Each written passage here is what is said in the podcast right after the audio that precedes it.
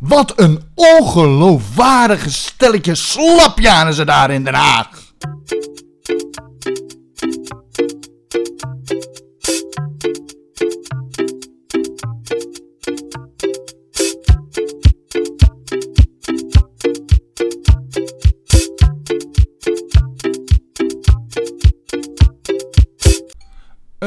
Hele goede morgen en welkom bij deze nieuwe aflevering van de podcast De Ochtendwandeling. Mijn naam is Bastiaan Toornent, ik ben theatermaker, acteur, schrijver, eh, podcaster en opiniemaker, maar ik ben met name een hondenliefhebber.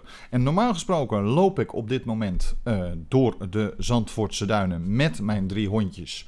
Uh, en terwijl ik dat doe, neem ik de podcast op waarin ik met u de nodige politieke of maatschappelijke uh, onderwerpen bespreek. Echter is het vandaag uh, verschrikkelijk stormachtig weer hier in Zandvoort. En zover ik begrepen heeft, ligt er in een groot gedeelte van, uh, van Nederland ook nog eens sneeuw. Waardoor er ook nog eens een keer 400 kilometer aan uh, file staat, wat ik op zich belachelijk vind, want we zouden toch nog steeds thuis moeten werken. Maar goed, dat is een heel ander verhaal.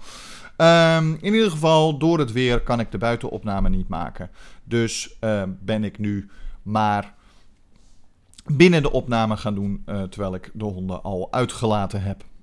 Nou, um, deze podcast kunt u vinden op Spotify, iTunes, Apple Podcast, Google Podcast en uh, diverse andere podcastplatformen. Tevens kunt u ons uh, vinden op YouTube. Daar wordt er ook een video van de podcast uh, opgenomen, of tenminste opgeplaatst. En op Facebook natuurlijk ook. Dat is, zoekt u op Torenent of Bastiaan Torenent, dan kunt u zowel op Facebook als op YouTube mij vinden.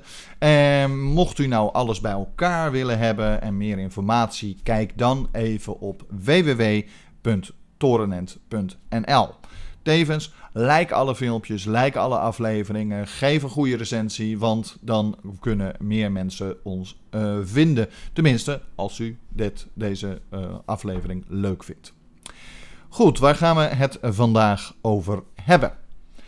We gaan het vandaag hebben over waar we het al een hele tijd over hebben: de formatieperikelen. Want wat is er gisteren gebeurd? Er is gisteren iets schandaligs gebeurd in de Tweede Kamer tijdens het debat. Ik snap dat de meeste mensen dat niet gezien hebben. Ik snap ook dat op uh, de, uh, hoe heet het, uh, de nieuwskanalen en NOS, NPO, maar ook RTL en andere kanalen er eigenlijk heel snel overheen gefietst werd. Um, omdat er ook nog ander belangrijk nieuws was. Dus de aanstelling van Cenk Willink. Daar gaan we het straks ook nog even over hebben. Maar um, er is iets schandaligs gebeurd. Want, nou ja, voor de mensen die het niet helemaal gevolgd hebben. Uh, niet gisteren, maar ook daarvoor niet. Uh, Rutte, he, tenminste zijn notities van de verkenningen uitgelegd. Ik doe het heel kort. Verkenning uitgelekt door Olongren. daar stond omzicht positie elders. Uh, vervolgens is er uiteindelijk daar een. Uh, niemand had dat zogenaamd gezegd. En vervolgens was daar een Kamerdebat uh, over. In dat Kamerdebat kwamen eerst de stukken maar niet naar boven. En niemand wilde zeggen wie het gezegd had. Vervolgens zijn alle verkenningsstukken die opgetekend waren door de ambtenaren. alle aantekeningen zijn vrijgegeven, zijn openbaar. Die kunt u gewoon lezen. Ehm, zover u uit die krabbels uh, uh, kan komen. Want het is nogal uh, nou ja, slordig opgeschreven. Echt een doktershandschrift. Maar goed, en daar stond toch heel duidelijk dat premier Rutte in zijn vorm van fractieleider en partijleider van de VVD deze zinnen met de verkenners had besproken. Daar stond heel veel dingen van er moet iets met omzicht. Um, hij probeerde het te verzachten door te zeggen van ja, we hebben het gehad. Ook al met het CDA, want hij heeft, is Hoekstra zelf meegekomen dat Pieter Omzicht misschien wel minister in een volgend kabinet wordt. Ja, um, het klonk als één grote smoes. Bovendien zei hij: Ik heb niet gelogen tegen de pers. Maar ik heb het me gewoon niet herinnerd dat ik het daarover heb gehad. Uh, de verkenners uh, waren ook uh, opeens, hadden opeens geheugenverlies. Nou, het was totaal ongeloofwaardig. Nou, Dat vond de Tweede Kamer, of in ieder geval een groot gedeelte van de oppositie, maar ook coalitiepartners ook. Ehm, dus Wilders uh, diende een motie meteen in van wantrouwen. Premier Rutte slash partijleider Rutte uh, moet gewoon weg. Klaar. Dit kan niet meer. Het is de zoveelste keer dat hij liegt. Het is de zoveelste keer dat hij aan selectief geheugenverlies leidt. Want, nou ja, dat is al meerdere keren voorgekomen. Sommige mensen uh, kunnen nog herinneren uh, de, het bonnetjesaffaire. Dat is het vorige kabinet. Dan hebben we nog uh, gehad. De bombardement daarop, waar hij opeens niks meer van wist. En toch uiteindelijk wel wat van, wist. Vervolgens hebben we ook nog nou ja, de toeslagenaffaire natuurlijk gehad en de dividendbelasting. En dat was allemaal zomaar uit zijn geheugen geschoten. Nou, eigenlijk is er tot nu toe altijd mee weggekomen, maar nu leek het afgelopen donderdag dat hij er niet mee weg zou komen. Want de hele Tweede Kamer was totaal over de rode over het handelen van Rutte. Want het is gewoon machtspolitiek. Nou, ik was het helemaal mee eens. Um, daarom uh, de meeste oppositiepartijen, althans uh, alle oppositiepartijen, zelfs de SGP, nou en die doet dat bijna nooit. Uh, zelfs de SGP stemde in met de motie van wantrouwen. En dat vond toch D66 en Hoekstra en ChristenUnie net iets te moeilijk. En toen verzon Sigrid Kaart een list. Want zij ze voorzagen natuurlijk, op zich logisch, dat als zij een motie van wantrouwen zou, tegen Rutte zouden uh, indienen, dat er behoorlijke chaos binnen het demissionaire kabinet ook zou ontstaan. Want Hugo de Jonge zou dan de eerste opvolger zijn. Uh, als die het niet zou doen als demissionair uh, vervangend premier, dan zou het Olongren worden. Nou ja, die speelde net zo'n grote rol in die verkenning. Dus het zou een behoorlijke chaos worden. En misschien hadden ze Edith Schippers of dergelijke naar voren kunnen schuiven. Maar ja, uh, dat, moeilijk, moeilijk. Dus Sigrid Kaag wilde niet het huidige kabinet verder uh, nog meer belasten. Of tenminste het demissionaire kabinet. Uh, dus die diende een motie van afkeuring tegen Mark Rutte als partijleider en fractievoorzitter van de VVD. Waarin heel duidelijk staat dat hij zich niet goed gedragen heeft, et cetera, et cetera. En dat het vertrouwen hersteld zou moeten gaan worden. Op zich een hele stevige motie. Ze heeft er ook nog eens tijdens het debat aan toegevoegd van, joh, uh, als ik zo'n motie aan mijn broek zou krijgen, dan zou ik mijn eigen conclusies wel trekken min of meer betekenend van joh, uh, Rutte, trek je conclusies aan dit soort moties en stap op, zodat de VVD gewoon door kan met de formatie, gewoon een premier kan leveren, alleen dan niet in jouw persoon. Nou, dat dacht eh, CDA ook van, ja, die zaten natuurlijk ook in datzelfde probleem. Um, en uh, die moesten eigenlijk wel iets doen. Ik bedoel, als die motie van afkeuring niet was geweest, had het CDA wel met de motie van wantrouwen in moeten stemmen. Heel simpel, want het was hun Pieter Omzicht, uh, waar uh, nou ja, eigenlijk door Rutte over gesproken werd en machtspolitiek over uitgevoerd werd. of was. En dus, um, ja, ze moesten wel. Dus de motie van afkeuring werd door Hoekstra meteen omarmd en samen hebben ze die ingediend. Nou, de hele Tweede Kamer heeft de motie van afkeuring gesteund. De motie van wantrouwen is het, heeft het net niet gehaald. Ook omdat de ChristenUnie alsnog meestemde met uh, de motie van afkeuring alleen en niet voor de motie van wantrouwen. Goed, dus Rutte kan, kon blijven zitten als demissionair premier. En ergens werd er een beetje verwacht dat hij zo'n conclusie zou trekken voor een toekomstkabinet. Maar dat deed hij niet. En de VVD, eh, zoals ze dat vaak doen, ging massaal, vooral met hun uh, mastodonten, gingen ze massaal om Rutte heen staan, hem verdedigen en vooral zeggen dat hij zo onheus bejegend was tijdens het debat en dat dat belachelijk was en dat hij ook altijd op was gekomen voor andere ministers, et cetera, et cetera. Um, heel erg de schuld bij de anderen leggen natuurlijk. Um, nou, ik had stiekem de hoop, met mij velen, dat het zou resulteren dat, uh, nou ja, eigenlijk niemand meer verder wilde met Rutte. En dat Rutte zelf weg zou gaan. Ehm, en zodat we alsnog een snelle formatie ingingen. Maar toen kwam zaterdag ook nog eens een keer uh, ChristenUnie. Uh, in de vorm van Zegers natuurlijk. Uh, Gert-Jan Zegers die kwam. En die heeft duidelijk aangegeven: wij als ChristenUnie gaan niet meewerken met een nieuw kabinet met Rutte als premier. We willen wel met de VVD samen, maar we willen niet meer met Rutte samen, want wij hebben niet het vertrouwen in Rutte dat hij de politiek uh, kan veranderen en dat hij achter het, uh, de versterking van de Tweede Kamer, van het dualisme zit. Nou, wat ik een hele terechte opmerking vind, want Mark Rutte is van de Rutte-doctrine, is van niet helemaal niet dualistisch. En uh, iedereen die lastig is, uh, nou ja, die wordt of weggepromoveerd, of wordt hem, uh, nou ja, het wordt hem te lastig gemaakt. Uh, het weglakken van eerst in het zwart en later in het wit. van allemaal documenten waar, die de Tweede Kamer vraagt. terwijl zij het hoogste orgaan officieel zijn. De regering is niet het hoogste orgaan, dat is de Tweede Kamer. dat is belachelijk. Nou, dus er moet wat veranderen.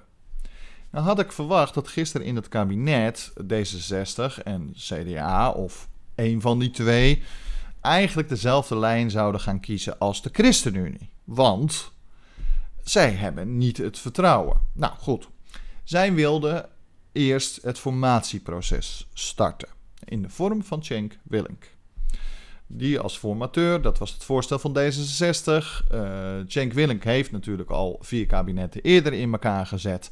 Het is een zeer bekwame man, uh, daar wil ik ook niks aan afdoen. Maar het is wel een man van de oude politiek, niet van de nieuwe politiek. Dus ik snap niet goed waarom D66, de partij van de democratie, kiest voor een Cenk Willink. Een oude vent uh, niets mis met, met, met zijn credentials. Hij, hij, verstaat zijn vak en hij is een wijs man, et cetera, et cetera. Maar hij is 79. Die man die heeft alle soorten ehm, partijen en, en, en kabinetten al in elkaar gesneden. Maar wat de Kamer nu wil, dat is er nog niet geweest. Want ze willen gewoon dat de Kamer zelf haar informatie direct krijgt van en van ministeries en van uitvoeringsorganisaties. Wat heel goed is, want dan kunnen ze beter de ministers en uh, de regering gewoon in het geheel controleren. Nou, goed. Toch is de, uh, de hele Kamer is, mee ingestemd dat Cenk Willink dan de informateur wordt. Of gezegd, het is gewoon de verkenner, alleen ze hebben hem nu weer informateur genoemd. Want er moet vanuit de inhoud en vanuit de herstel van het vertrouwen ehm, worden uh, hoe heet het, gekeken wat daarvoor nodig is, hoe het vertrouwen weer hersteld kan worden. Vanuit de inhoud. Sigrid Kaag zegt steeds: we beginnen nu weer vanaf nul. Nee, Sigrid Kaag, we beginnen niet vanaf nul. Dan doe je alsof de afgelopen tien jaar met Rutte niet gebeurd is. En die zijn wel gebeurd. En dat is degene wat ik echt stelletje minkukels daar in Den Haag, waar ik me heel boos over kan maken. Sigrid Kaag, die een nieuw leiderschap was, wie, waar heel veel ook linkse kiezers van dachten, nou ja, weet je wat, we stemmen wel op haar om iets meer tegengewicht aan dat VVD gegeven, zodat er klimaatverandering komt, zodat er verandering in politiek komt, et cetera, et cetera. Uh, grote lijnen met nieuw leiderschap en dan doet ze dit. Ze ze zegt letterlijk: nee, ik wil er geen conclusies direct aan verbinden. Ik wil vanaf nul beginnen en ik wil zien wat er mogelijk is. En dat ligt er ook aan wat Rutte inbrengt. Maar ze geeft niet eens ons duidelijkheid. Ze is niet transparant over het feit wat Rutte of de VVD dan zou moeten doen in haar ogen om het vertrouwen van D66 eventueel weer te herwinnen. Daar vertelt ze niks over. Nee, dat moet weer achter gesloten deuren. Hoezo nieuwe politiek? Dat is geen nieuwe politiek, dat is oude politiek. Achter gesloten deuren. Dus ik maak mij heel kwaad over het feit dat Sigrid Kaag, wat zogenaamd een progressieve partij is, zo huigelijk en hypocriet als wat, nu uh, met Rutte uh, straks waarschijnlijk gewoon weer uh, samen gaat regeren. En dat er helemaal niets verandert. Want dan wordt de doctrine van Rutte eh, gewoon de Sigrid Kaag-doctrine. En er is helemaal geen verbetering van de situatie van de Tweede Kamer. En dan zal nog Kamerleden als Pieter Omzicht het moeilijk krijgen. Goed, we gaan zo verder. Eerst even dit.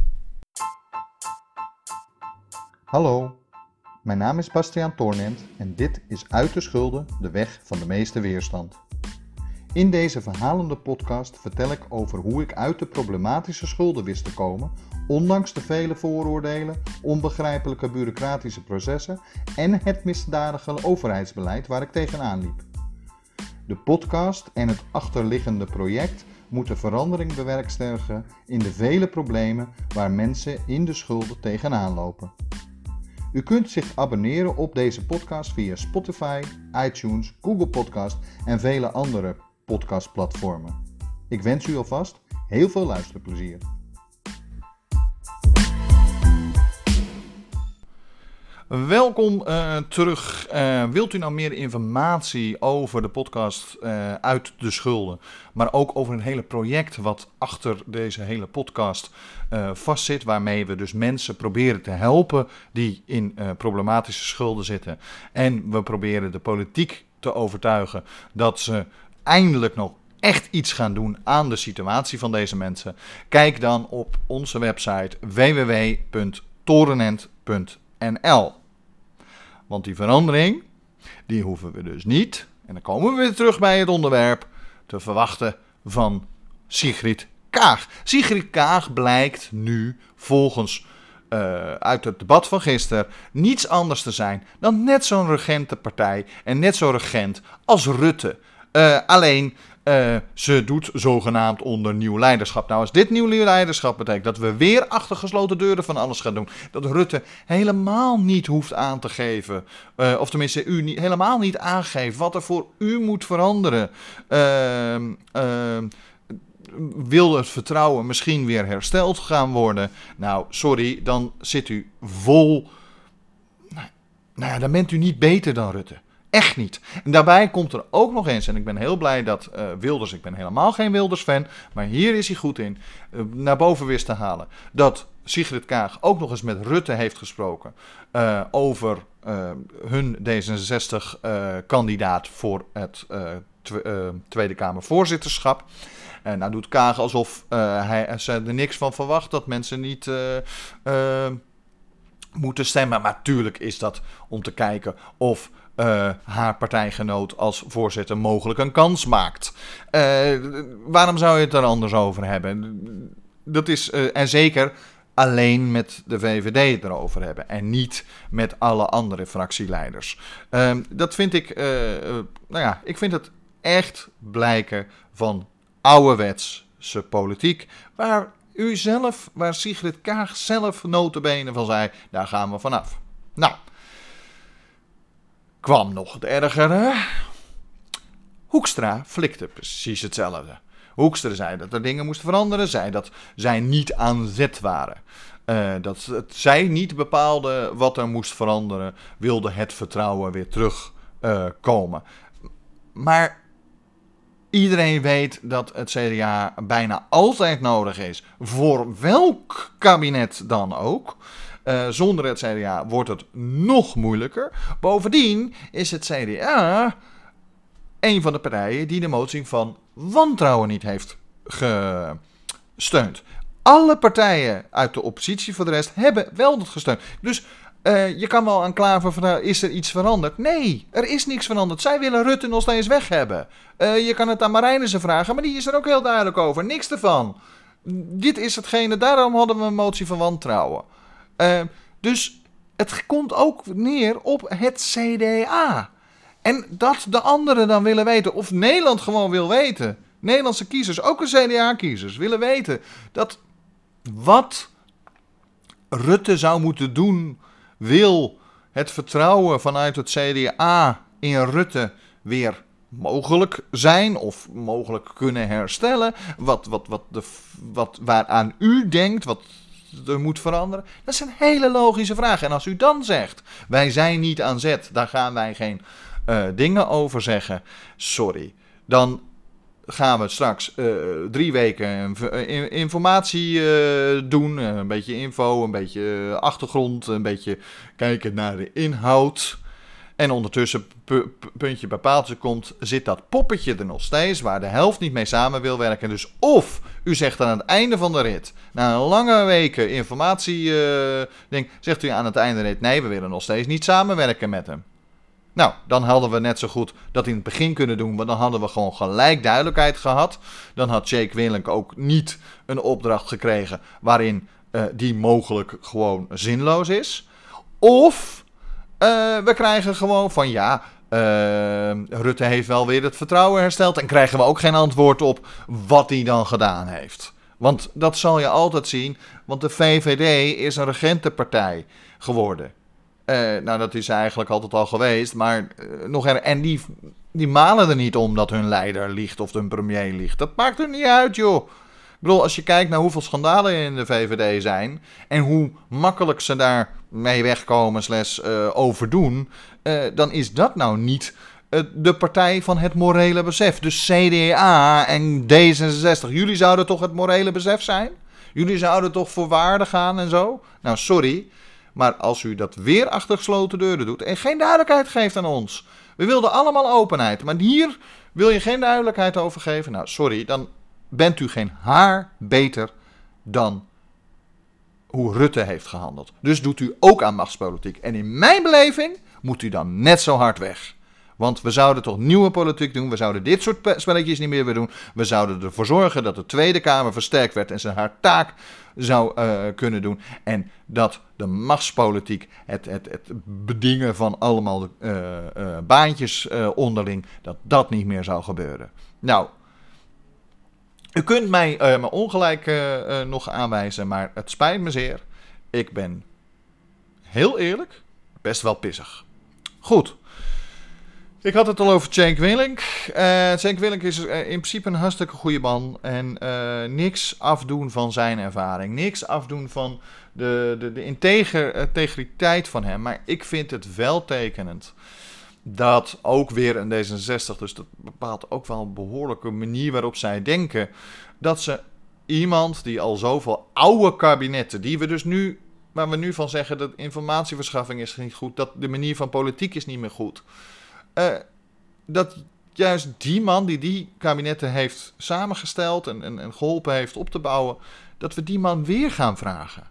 Dat, dat, dat snap ik niet. Bovendien vind ik het net zoals, en dit zijn de woorden van Cenk Willink zelf, ik vind het armoe als we alleen maar uitkomen bij een oudere man van 79 jaar. En dat die zogenaamd alleen maar die taak van informateur zou kunnen vervullen. Ik denk dat een Tom de Graaf misschien beter was geweest. Oké, die is van D66 huizen, dan doe je die niet. Maar er zijn nog genoeg mensen die niet per se direct nog in de politiek zitten. Die wat verder ervan afstaan, maar wel het hele proces kennen. Uh, die niet uh, boven de 60 zijn. Die niet uh, um, een teken zijn van de ouderwetse politiek. We willen toch nieuwe politiek? Laten we daar dan voor gaan.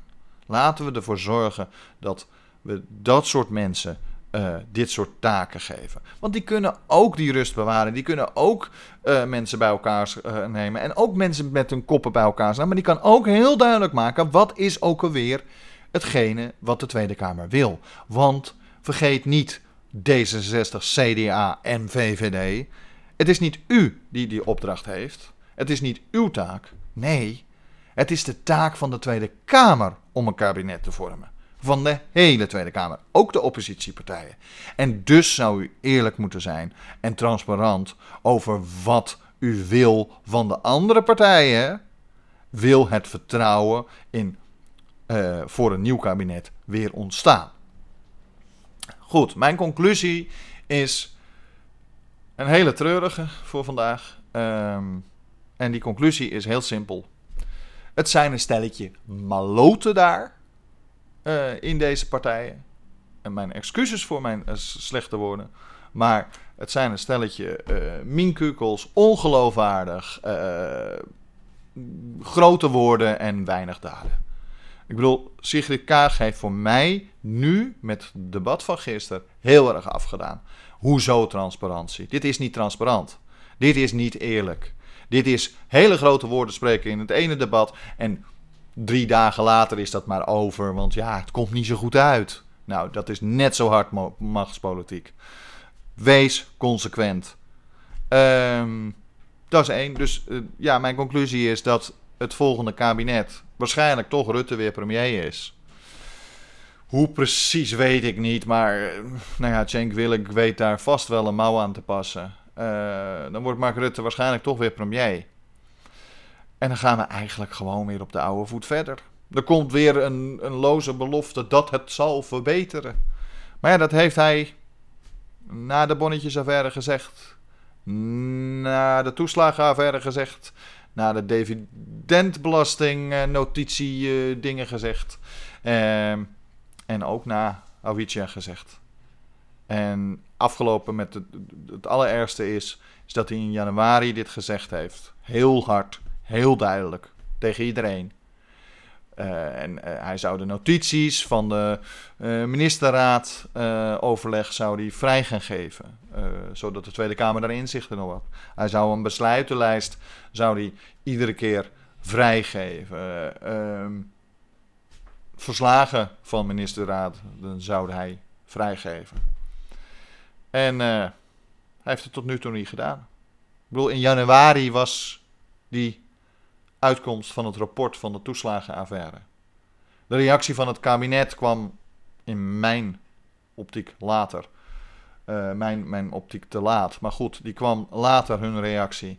En ze traden toen ook af. Maar bij dat aftreden hebben ze ook verbetering beloofd. En dus deze beloftes gedaan. We zullen voortaan dit en dat en dus en zo. En ze zijn nu al een tijdje demissionair, maar er is nog geen één notitie van de ministerraad uh, naar buiten gekomen. Nog niet één. De Tweede Kamer kan nog steeds niet controleren wat, hoe zo'n besluit tot stand is gekomen. Dat, en dat is krankjoren, want dan kunnen ze hun werk gewoon niet doen. Dat is echt belachelijk. En dan moeten we diezelfde man voor de komende vier jaar weer gaan vertrouwen. Dat hij ook de politiek gaat veranderen, dichter bij de bevolking gaat brengen? Nee.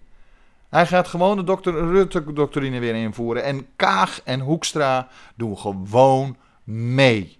En als ze niet doorhebben dat het nu niet anders is dan de vorige keren, sorry. Maar dan had ik ze toch een stuk intelligenter ingeschat dan dat ze blijken te zijn. Nou, dit was mijn conclusie voor deze week. Uh, voor deze week, voor deze dag. Morgen gaan we het weer ergens anders over hebben. Um, ik hoop uh, dat u uh, het leuk vindt. Dus deze filmpje een duimpje omhoog geeft. Of een, de podcast zelf een goede recensie geeft. Liefst 5 sterren. Want dan kunnen andere mensen ons natuurlijk meer en beter zien. like, deel, zegt het voort. kijk op www.torenent.nl. Zowel voor deze podcast informatie als voor uit de schulden. En ik ben er morgen weer. En uh, ik hoop dat er uh, wel uh, een leuk debat komt voor de nieuwe voorzitter van de Tweede Kamer. En bij voorbaat zeg ik al, ik hoop niet dat het de D66 mevrouw wordt. Al is het alleen maar om Kaag een lesje te leren. Tot morgen.